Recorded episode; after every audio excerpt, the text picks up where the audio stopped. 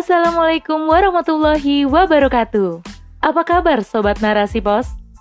Kembali lagi bersama saya Giriani di podcast Narasi Pos. Narasipos.com Cerdas dalam literasi media, bijak menangkap peristiwa kunci. Rubrik Opini. LGBT semakin unjuk gigi, negara miskin proteksi oleh Messi Iksan, SPD. Kampanye LGBT di seluruh negara di dunia kian digencarkan secara masif, termasuk di negeri yang mayoritas muslim pun ikut-ikutan latah dengan tren sesat tersebut. Hal itu terbukti dengan diselenggarakannya kontes kecantikan Miss Queen Indonesia tahun 2021 di Bali yang diperuntukkan bagi kaum transgender. Selain itu, publik figur dengan inisial MC yang dinobatkan sebagai pemenang ajang tersebut juga berhak mengikuti ajang yang sama di tingkat internasional sebagai perwakilan dari Indonesia. Keberhasilan dalam menyelenggarakan ajang Miss Queen itu semakin menunjukkan sikap toleran masyarakat terhadap perilaku penyimpangan seksual atas dasar menuhankan hak asasi manusia dan mengedepankan pemikiran liberal. Sebagian netizen memberikan dukungan positif agar MC melayakan diri untuk ikut ajang Miss Queen tingkat internasional yang akan diselenggarakan di Thailand.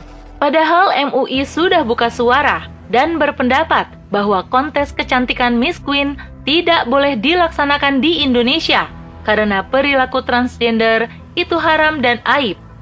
Perlu saya sampaikan bahwa MUI melalui Munas ke-8 tahun 2010 telah mengeluarkan fatwa tentang transgender. Dalam fatwa itu disebutkan bahwa mengganti jenis kelamin atau transgender hukumnya haram, termasuk pihak yang membantu menggantikan jenis kelamin itu. Kata Profesor Utang Ranuwijaya selaku Ketua Bidang Pengkajian dan Penelitian MUI saat diwawancarai wartawan pada Senin 4 Oktober 2021. Sementara negara seolah-olah membiarkan dan membolehkan ajang kecantikan bagi transgender itu dilaksanakan tanpa ada kendala dan pelarangan. Negara tidak serius menggembok beragam pintu masuk bagi penyebaran LGBT, baik dari segi ide maupun perbuatan. Hal itu membuat komunitas pelangi semakin sombong dan terbang ke udara. Alhasil, kode hancurnya tatanan masyarakat semakin terpampang nyata di depan mata. Sistem kapitalisme adalah sistem yang menuhankan asas sekulerisme, sebuah ide yang memisahkan aturan agama dalam kehidupan, memisahkan aturan agama dari manajemen negara. Aturan agama hanya mengatur urusan personal semata, sehingga melahirkan individu yang bebas berbuat apa saja tanpa memperhatikan aturan Tuhan. Agama hanya mengatur urusan ibadah ritual semata, sementara urusan lain Tuhan tidak punya hak untuk turut andil dan ikut campur karena dalih kebebasan. Kata kebebasan seolah-olah memberikan manusia hak untuk bebas tanpa batas. Padahal, fitrahnya manusia diberikan kebebasan yang ada batasan dan aturan agar tidak merusak dirinya sendiri maupun orang lain. Tentu, zat yang paling tahu akan hal baik atau hal buruk bagi manusia adalah zat yang menciptakan manusia, yakni Allah Subhanahu wa Ta'ala. Akan tetapi, bagaimana kalau kini aturan Sang Pencipta diabaikan dan manusia berusaha membuat aturan berdasarkan karangan perasaan, nafsu, dan logika? Pasti akan menimbulkan kerusakan, kehancuran, dan perbedaan pandangan dalam membuat aturan. Selain itu, toleran terhadap kemaksiatan karena dalih perasaan dan menganggap santai saja masalah LGBT bisa mengundang azabnya. Padahal, keberadaan LGBT memberikan efek yang sangat buruk di tengah masyarakat. Itulah permasalahan yang timbul saat sistem kapitalisme yang berkuasa di muka bumi. Ide dan perbuatan sesat mendapat tempat dan ruang karena dalih hak asasi manusia dan kebebasan walau bertentangan dengan fitrah sebagai manusia. Semua dilakukan hanya manut pada hawa nafsu dan logika. Penganut LGBT yang memilih hubungan seksual dengan sesama jenis sungguh mengundang kerusakan dan membunuh pertumbuhan generasi. Selain itu, juga bisa kemungkinan terkena penyakit kelamin yang mematikan seperti HIV. Bahkan, di Amerika Serikat, kaum LGBT termasuk penyumbang angka penyakit kelamin HIV paling tinggi hingga mencapai 70%. Sungguh, sebagai manusia yang waras dan normal, harus ada gerakan yang tegas menolak kaum pelangi. Menolak LGBT bukan hanya karena mengandung efek negatif, tapi yang paling penting adalah sebagai panggilan iman dan dalam rangka menjalankan perintahnya. LGBT itu haram, wajib dibungkam secara mendalam sebelum datang kehancuran dari sang pemilik alam. Allah Subhanahu wa taala berfirman yang artinya, "Sungguh kamu telah melampiaskan syahwatmu kepada sesama lelaki bukan kepada perempuan. Kamu benar-benar kaum yang melampaui batas. LGBT dan gaya liberal menjauhkan umat Muslim dari identitas Islam, padahal Allah telah memberikan potensi akal untuk mempermudah manusia dalam menjalani urusan kehidupan dan membantu dalam memahami wahyunya. Akal wajib tunduk pada kalam Allah hingga menuntun pada jalan kebaikan. Maka, Allah dalam Al-Quran sangat mengutuk keras orang-orang yang tidak memfungsikan akal secara baik. Dia pun mengibaratkan mereka lebih hina dari binatang. Binatang saja yang tidak memiliki akal tidak pernah melakukan LGBT dan menikah dengan sesama jenis. Sementara manusia yang sudah dilengkapi potensi super sempurna malah bertindak biadab dan tidak mensyukuri nikmatnya. Fenomena LGBT terjadi bukan karena kehendak Allah, tapi merupakan pilihan dari individu masing-masing yang menginginkan hidup bebas.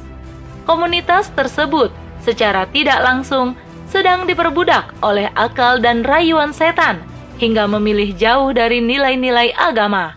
Sungguh, permasalahan LGBT merupakan permasalahan yang sistemik yang bersumber dari sistem kapitalisme. Maka, butuh solusi hakiki yang juga bersifat sistemik dan bersumber dari Sang Pencipta manusia. Negara Islam akan memberikan proteksi terbaik untuk umat, seraya bekerja sama dengan institusi keluarga dan masyarakat dalam menyelesaikan masalah LGBT. Pertama, negara menanamkan iman dan takwa agar masyarakat menjauhi perbuatan penyimpangan tersebut dari institusi terkecil bernama keluarga anak sudah sejak dini dididik dengan pendidikan agama hingga terbentuk kepribadian Islam, sehingga ketika anak dewasa mempunyai bekal dan prinsip Islam dalam menjalankan roda kehidupan. Islam sebagai satu-satunya identitas yang melekat, hingga secara tersirat sudah menolak gaya hidup yang menyimpang dari tuntunan syariat. Kedua, negara akan menghentikan beragam konten negatif, baik dalam bentuk pornografi maupun porno aksi.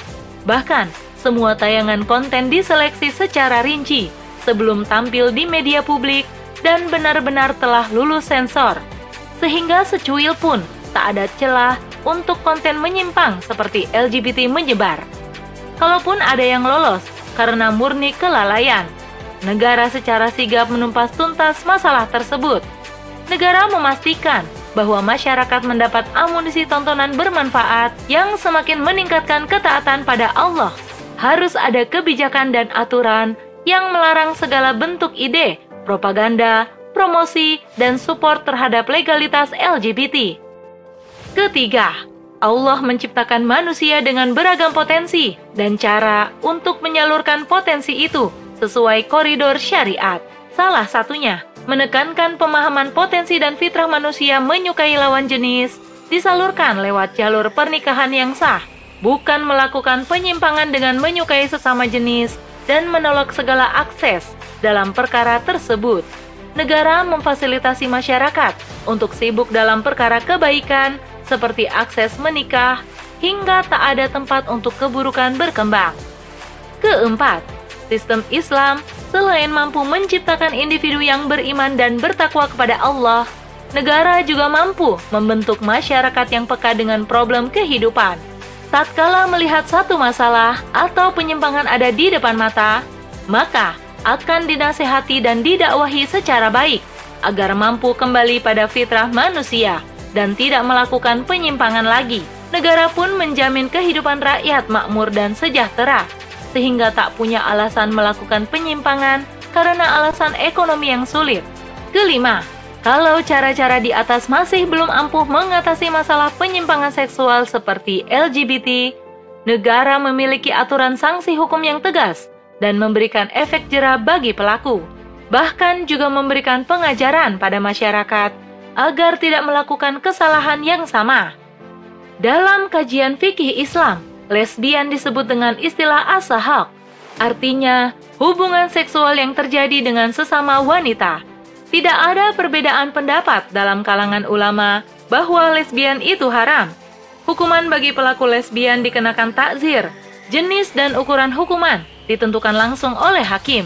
Hukuman bisa penjara, cambuk, dan lain-lain. Sedangkan gay atau hubungan seksual dengan sesama lelaki juga haram berdasarkan hadis Rasulullah. Allah telah mengutuk siapa saja yang berbuat seperti perbuatan kaum Nabi Lut Hadis riwayat Ahmad nomor 3908. Para fukoha sepakat bahwa hukuman bagi pelaku gay adalah hukuman mati. Hanya saja terdapat perbedaan dalam teknis menjalankan hukuman tersebut. Menurut pendapat Ali bin Abi Thalib, pelaku gay harus dibakar menggunakan api. Sedangkan menurut pendapat Ibnu Abbas, pelaku gay dijatuhkan dari gedung tertinggi, lalu setelah sampai di tanah, dilempari dengan batu. Allah pun melarang manusia untuk transgender atau perbuatan yang menyerupai lain jenis, baik dalam berbicara, bertindak, dan lain-lain. Sebab Allah melaknat laki-laki yang menyerupai perempuan dan perempuan yang menyerupai laki-laki. Sungguh, Islam memiliki aturan yang tegas terhadap pelaku penyimpangan seksual seperti LGBT, dan hanya dengan Islam, masalah LGBT akan tuntas ke akar-akarnya karena negara memiliki proteksi yang super lengkap. Sayangnya kini, tidak ada khalifah yang bisa menerapkan aturan tersebut, sebab institusi Islam yang bernama khilafah sudah runtuh sejak 3 Maret 1924. Akan tetapi, kebangkitan khilafah yang kedua adalah janji yang pasti dari ilahi. Mari kita rapatkan barisan dalam menyongsong cahaya kemenangan yang sebentar lagi akan terbit. Wallahu a'lam bishawab.